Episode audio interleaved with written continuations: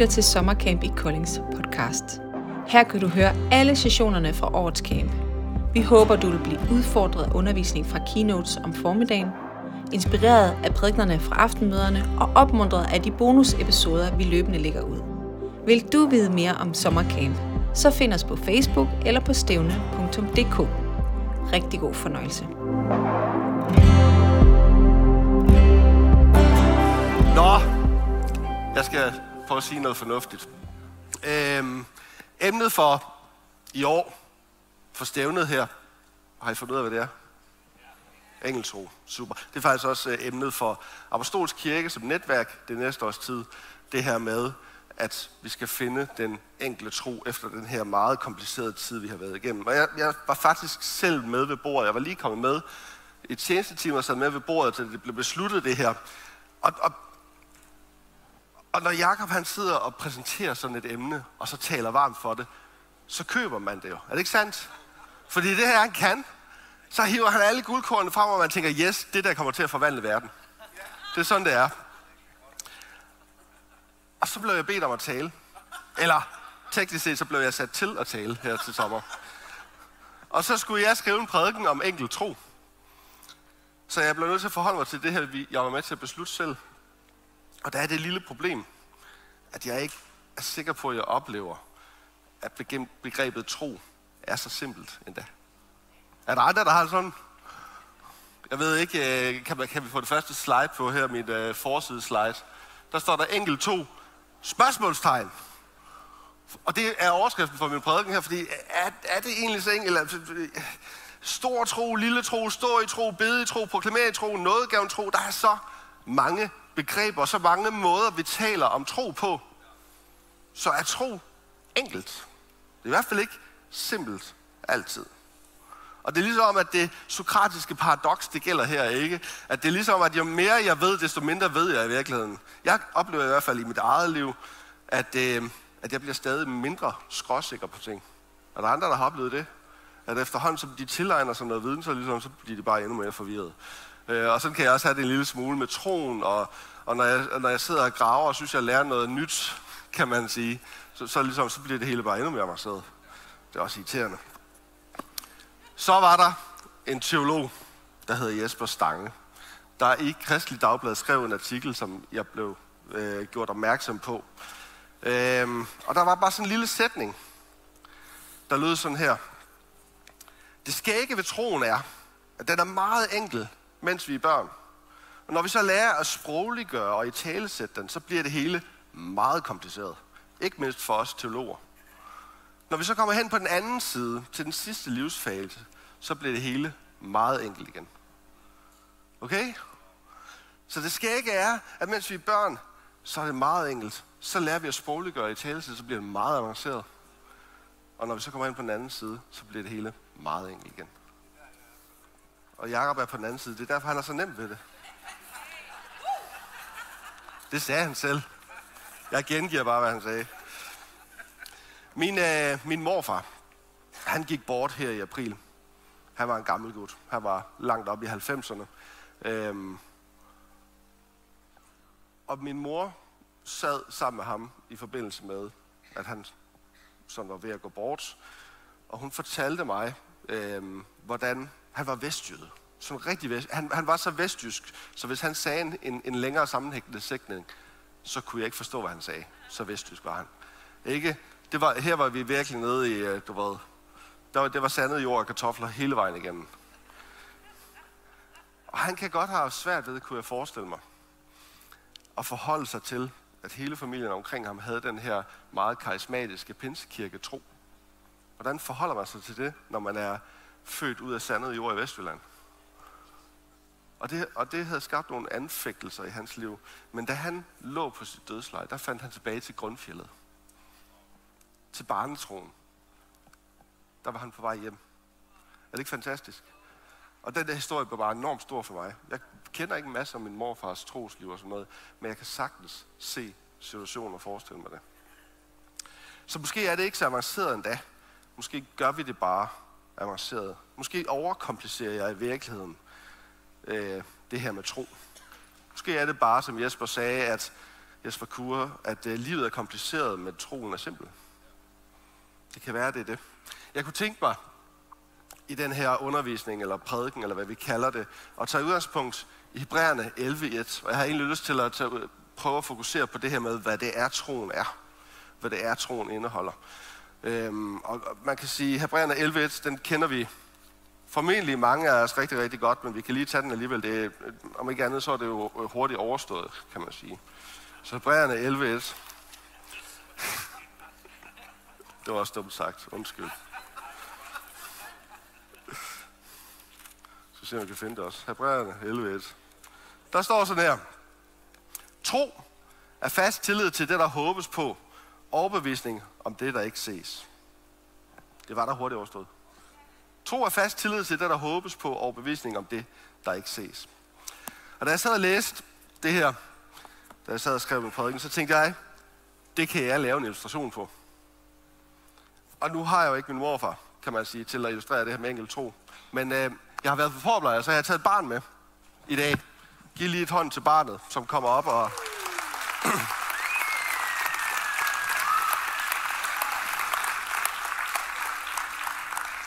Det er Natalie, ikke? Ja, og hendes far har også fået lov til at være med i dag. Øhm, og de skal prøve at illustrere det her med Hebræerne 11, Jeg tror fast tillid til det, der håbes på en overbevisning om det, der ikke ses. Så hvis du lige prøver at give hende øh, bind for øjnene her. Yes. Sådan. Jeg tror, du skal gøre det på den lange led diagonalt, hvis der er. Nej, okay. Det var bare ingeniøren, der talte. Godt så. Se, Natalie, hvis du så stiller dig der, og så rækker armene ud til siden, yes, som Jesus på korset, og så må du synes, at galt er der falde bagud. Øj. Super. Tak skal du have. Det er tro. Er det ikke et godt billede? Den har jeg i hvert fald tænkt mig at bruge, så den her, den skal I have i jeres hoveder resten af den tid, jeg står og snakker her, fordi så i slutningen, så øh, vender vi tilbage til den igen. Jeg tror, vi kan lære to ting om troen af det her, vi lige har læst, og det her, vi lige har set. Det ene, det er, at åbenbaring skaber tro, og det andet, det er, at tro skaber handling. Så to punkter. Det skal jo være enkelt, ikke? Natalie her, hun havde tro. Hun havde fuld tillid til, at hendes far ville gribe hende. Og bevisning om, det vidste hun jo ikke. Hun vidste ikke, om han stod bag. Altså, han kunne være gået ned. Hun anede det ikke. Hun stod der, og kunne ingenting ske.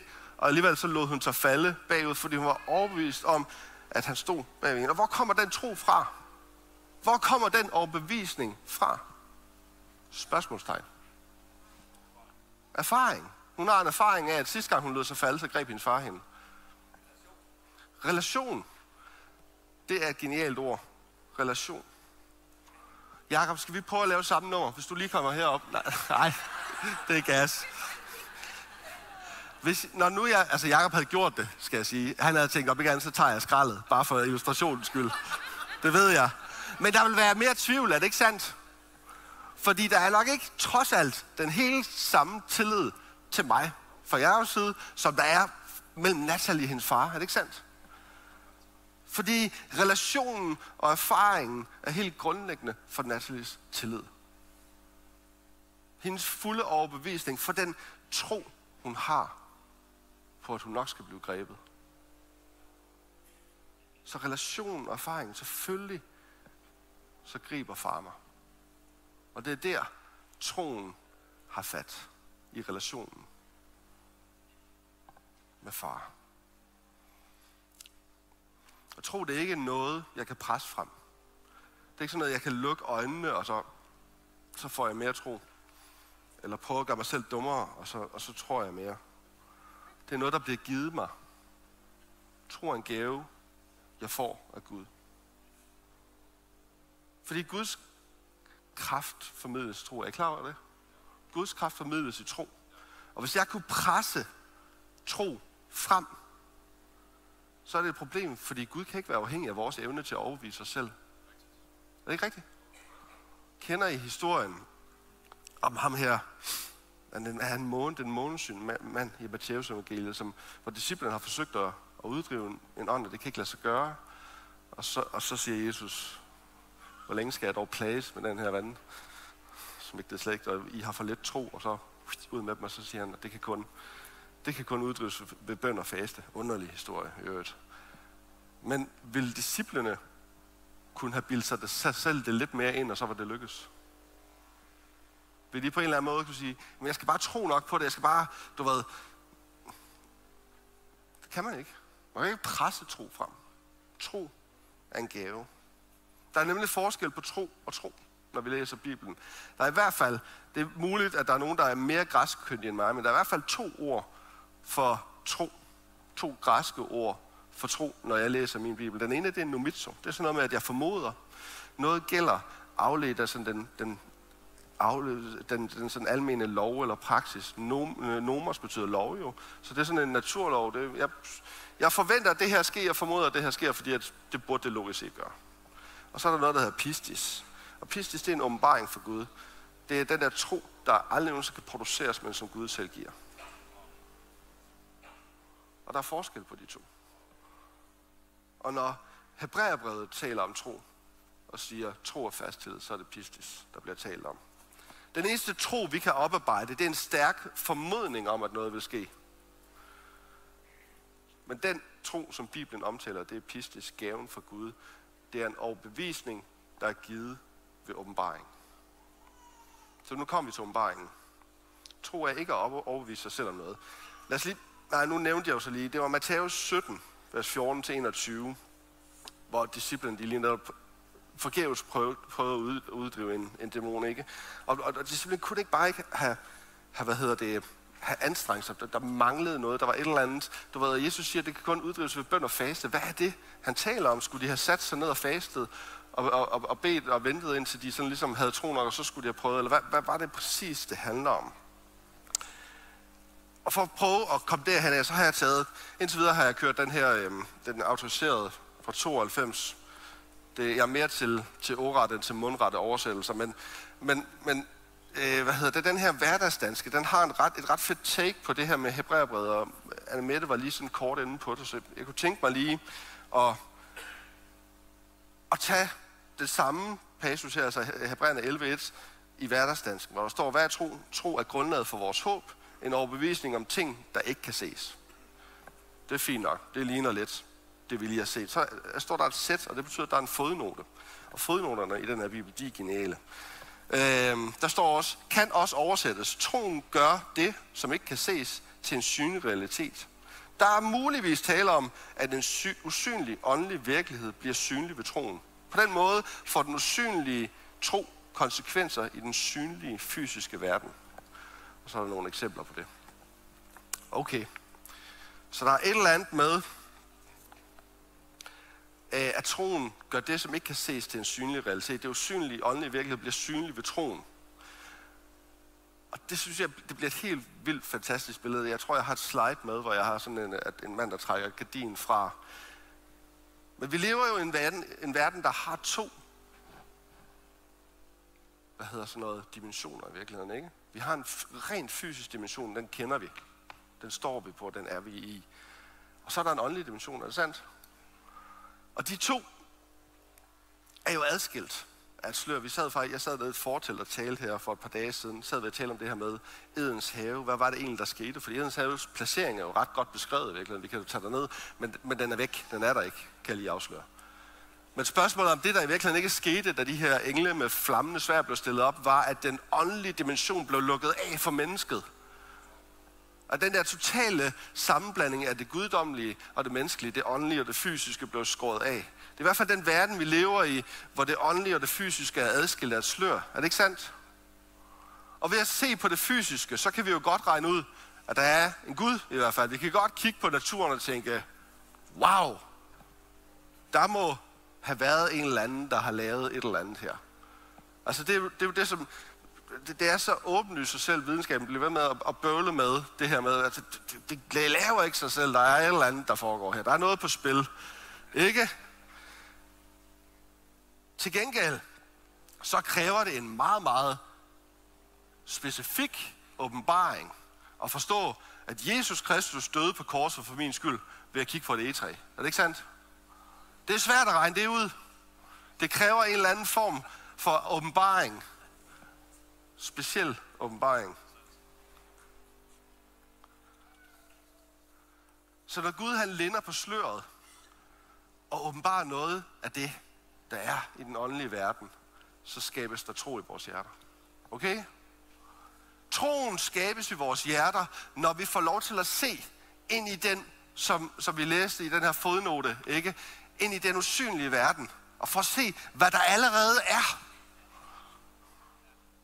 Og når troen bliver plantet, så er det med til at trække det, der allerede er, ind i den fysiske verden. Er det ikke en fantastisk idé? Gud skabte bare ved at sige, bliv lys. Fordi han havde allerede ideen om, at der skulle være lys, og så blev der lys. Og det samme sker jo, når, når, når, vi, når vi ser, hvad der er derinde bagved, og siger, wow, lad os lige trække det frem. Så når Jesus siger, at det fordrives kun ved bøn og faste, så handler det om at få åbenbaringen. Og se en bag sløret. Se, hvad det allerede er, der er. Har I lagt mærke til, hvor mange gange, har I lagt mærke til, hvor mange gange Jesus han beder for syge? Nogle bud. Hvor mange gange beder Jesus for syge? Ah, I er simpelthen for dygtige. Er der nogen, der ikke er præster, som ved, hvor... Nej, det er rigtigt. Han beder, er der en enkelt gang, han beder, og der beder jeg, det er jo der, Lazarus, altså, han skal opkaldes, eller op, oprettes sig døde, så siger han, Jesus, jeg beder ikke for, de det er nødvendigt, men fordi at de skal fatte, hvordan det foregår, så stort set. Han var ikke rigtig syg, han var død, det er rigtigt. Det, det. Hvorom alting er, så er det ikke noget, Jesus han gør af. Han siger bare, du er rask. Bum, bum. Det er en sandhed, der allerede er. Og han kalder den bare. Så man kan sige, tro er, når vi kalder det, der allerede er. Så når vi taler om at have tro for noget, så er det Gud selv, der åbenbarer noget, der allerede er. Og at have tro, stå i tro for noget, handler efter min bedste overbevisning ikke om at håbe på noget så voldsomt, så det dukker op. Det, det er dumhed, tror jeg. At stå i tro for noget er, at når du, er blevet, når du får lov til at kigge ind bag sløret, når Gud har vist dig noget, så siger det der, jeg ved, det er der. Og jeg sætter mit anker i det. Jeg ved, at det her, det bliver virkelig, det bliver fysisk. Så troen er båret af vores åbenbaring af Gud som frelser og som herre og som far. Er det ikke sandt? Og derved skaber til, skabes tilliden til det, som vi har sat vores håb i ankeret. I ved nok, ankeret det er et symbol på håbet, øh, som vi sætter, som, vi, som holder, vores, holder vores stævn op mod vinden, når der rigtig er knald på. Derved der skabes en overbevisning om det, som kun er synligt for os. En enorm personlig ting, det her med tro. Og dermed gives en virkelighed, som vi kan stræbe efter, fordi vi ved, at den kommer. Vi ved, at den allerede er der. Og der kan vi falde fra, og der kan vi stå i, og der kan vi vandre i, fordi vi ved, hvordan far er, og hvordan, og hvad det er, han vil. Så vi har alle sammen en grad af tro, når vi har Gud som vores far. Det er fuldstændig ligesom Natalie, der lader sig falde, fordi hun kender grundlæggende sin far. Hun ved, at han aldrig nogensinde vil lade hende falde. Er det ikke sandt? Og på samme måde er det med os. Vi har nogle grundlæggende ting, som vi altid kan stå i tro for. Er det ikke sandt? Fordi vi kender fars natur. Hvordan kommer vi så til at stå i tro for mere? Lær ham bedre at kende. Okay, hvordan gør man det? Læs Bibelen. Bed til ham. Søg ham. Brug tid sammen med ham. Tag på far, søn, far, datter ture. Ikke? Tag på træne.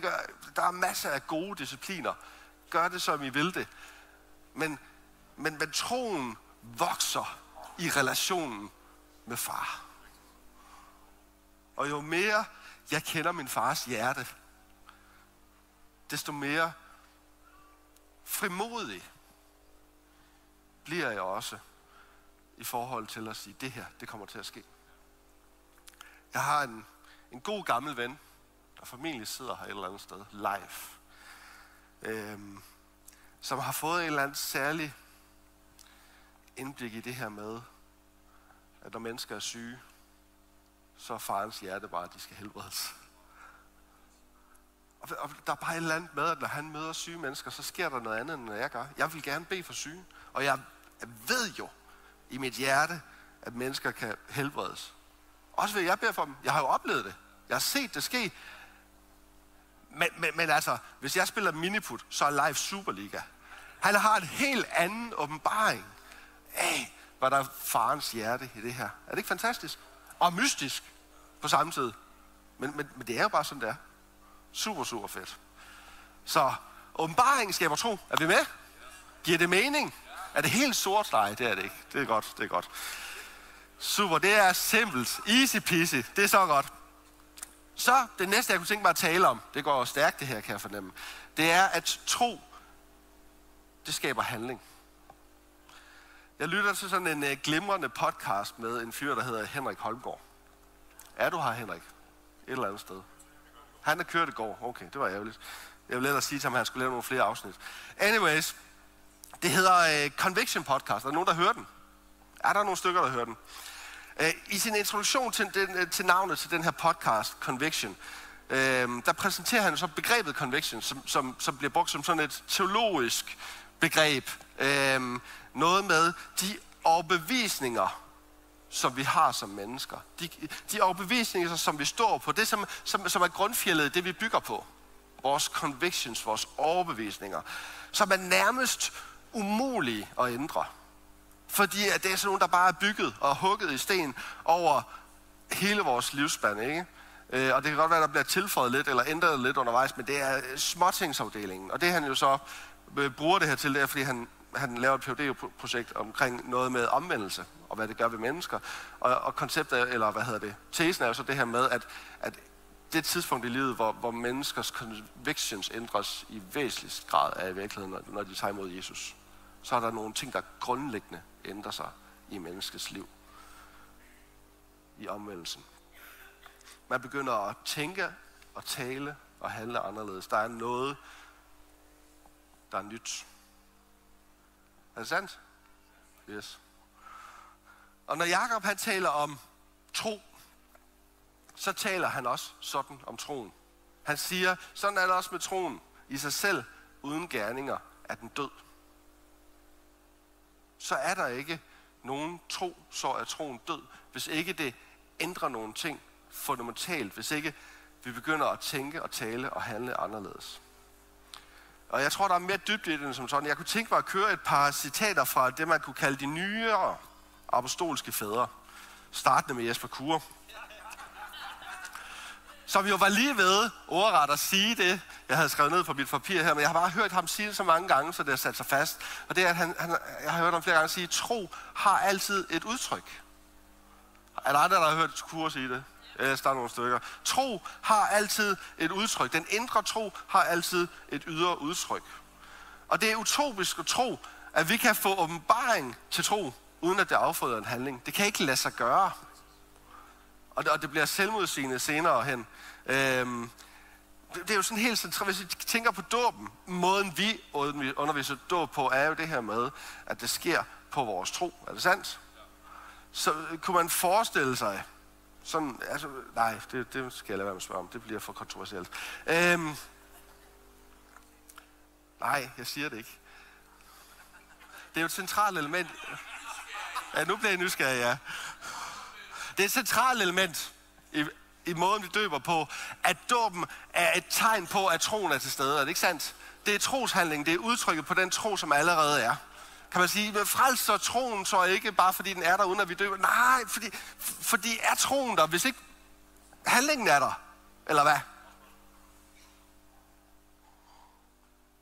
Ja, det er jo den fysiske handling på den åndelige virkelighed. Og det er ikke afgrænset til frelseåbenbaring. Det, det gælder alt, hvad der åbenbares. Hvis der er tro, så er der også en handling. Hvis der er tro, så er der også et udtryk. Og hvis vi kigger på Hebræerne 11, hele kapitlet, handler om trosheltene. Har I læst Hebræerne 11? Det handler om alle dem der, vi kender. Noah byggede sin ark, Abraham brød op, Abraham var ved at ofre sin søn, Israelitterne gik rundt om Jericho. The works, de er der alle sammen. Alle de tossede historier, de er der. Øh, alle troede de, derfor handlede de, og Gud åbenbarede vilje blev realiseret i det fysiske. Er det ikke sandt?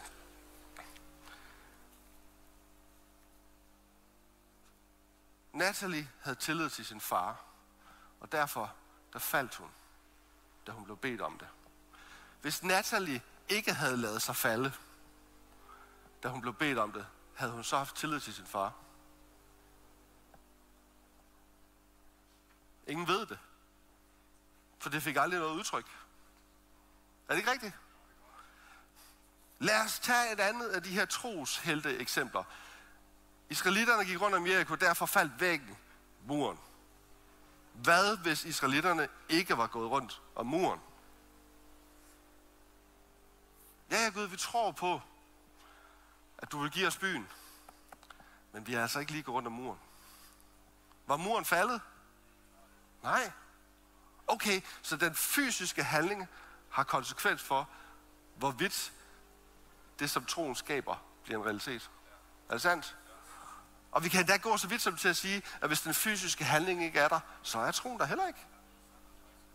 Så er det bare noget, vi siger, at den er.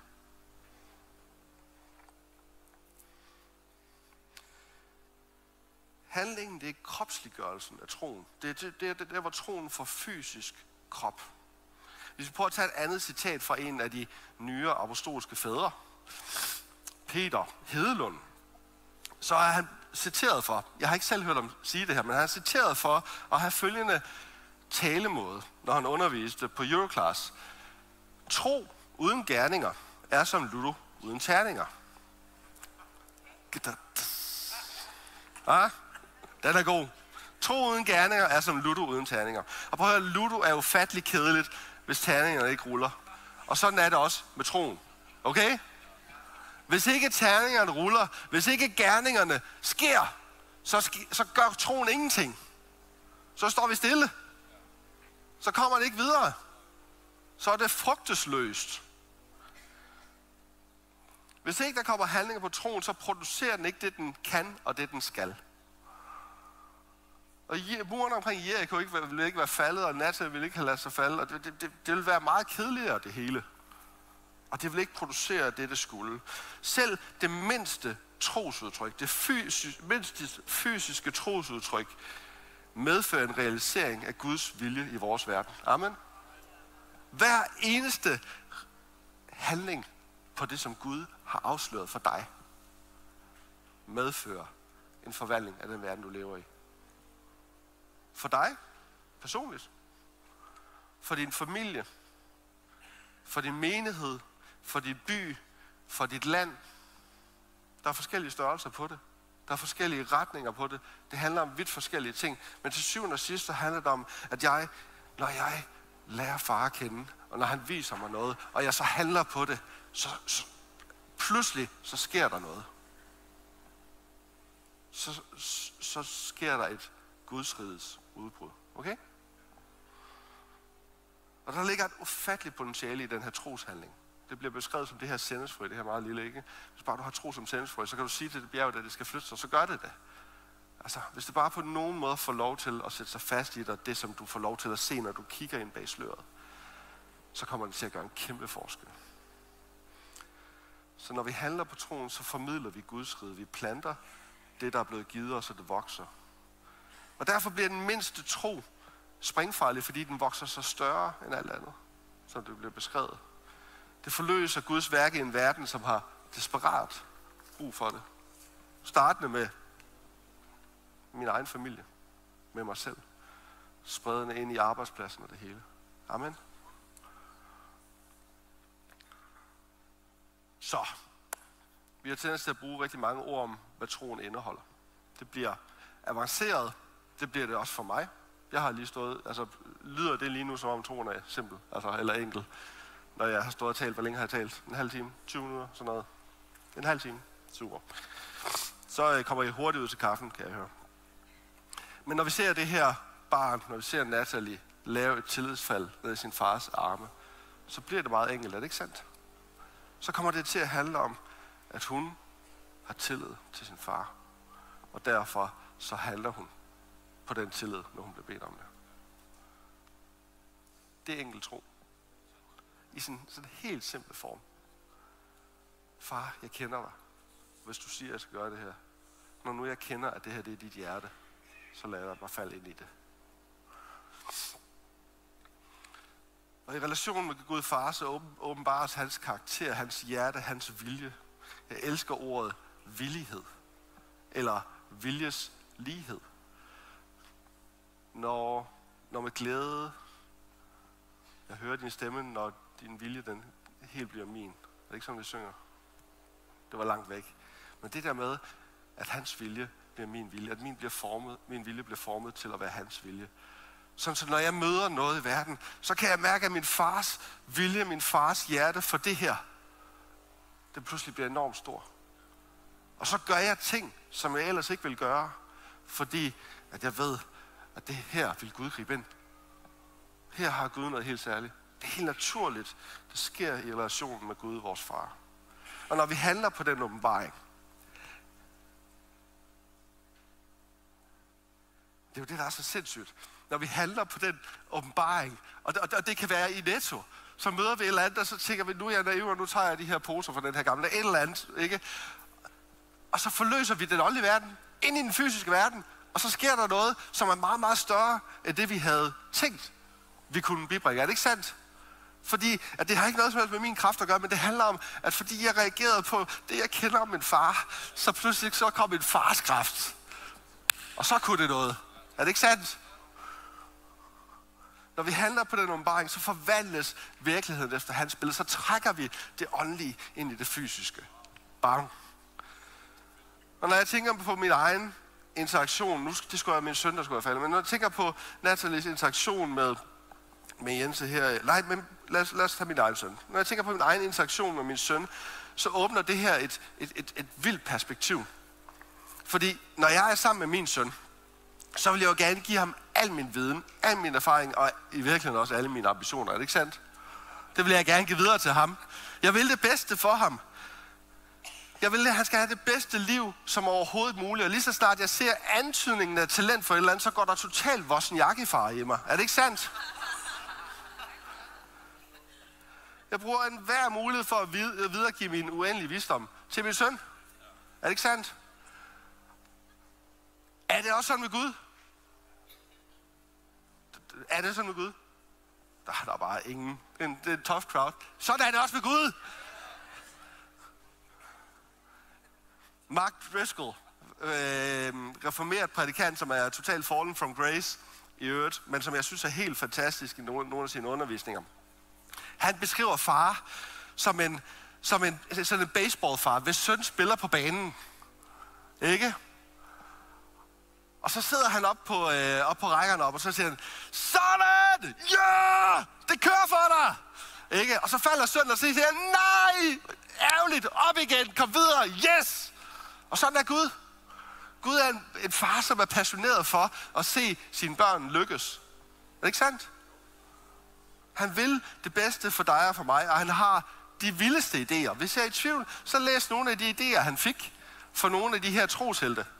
Når vi læser om Noah, som skulle bygge en, en båd midt i det hele, og så siger Gud, det bliver skidskægt det her. Lige om lidt, så kommer der vand. Du bygger bare. Eller jeg kan i stedet for at gå i krig, det, det, det, det er så trivielt, det gør de alle sammen. Nu tager I hver jeres gedehorn, og så går I syv dage rundt, og så blæser I, så skal I se, hvad der sker. Det bliver fedt, det her. Abraham, altså, han siger til Abraham, ved du hvad, du kunne godt blive her og beholde det, men hvad, hvis du rejser derhen, så kommer der til at ske things i dit liv. Jeg siger det bare. Det er jo sådan, det er. Ikke? Gud, han har den mest krøllede hjerne. Og de vildeste idéer for dit liv. Hvis du har modet til at lade det, han viser dig, blive en realitet, en fysisk realitet i det. Hvis du tør tage skridtet, og jeg aner ikke, hvad det er. Jeg aner ikke, hvordan han viser dig det. Det eneste, jeg kan sige, det eneste, jeg kan pege hen imod, det er, sørg for, at relationen vokser så stor.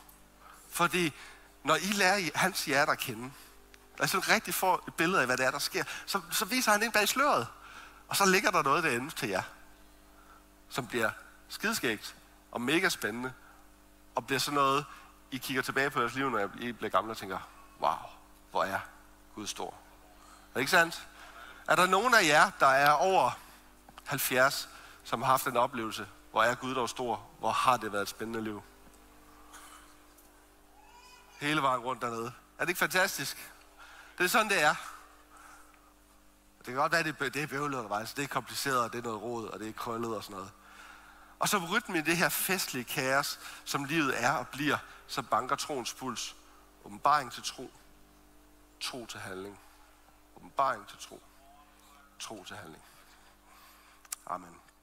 Jesus, jeg takker dig, fordi at du inviterer os ind i et fantastisk relation med dig, hvor vi får lov til at... Tak fordi du lyttede med. Vi håber, du blev inspireret og udfordret i din tro på Jesus. Husk at abonnere på podcasten, så du ikke går glip af kommende episoder. Er du interesseret i at deltage i næste års sommercamp, så besøg stævne.dk for info og tilmelding. Ha' en dejlig dag.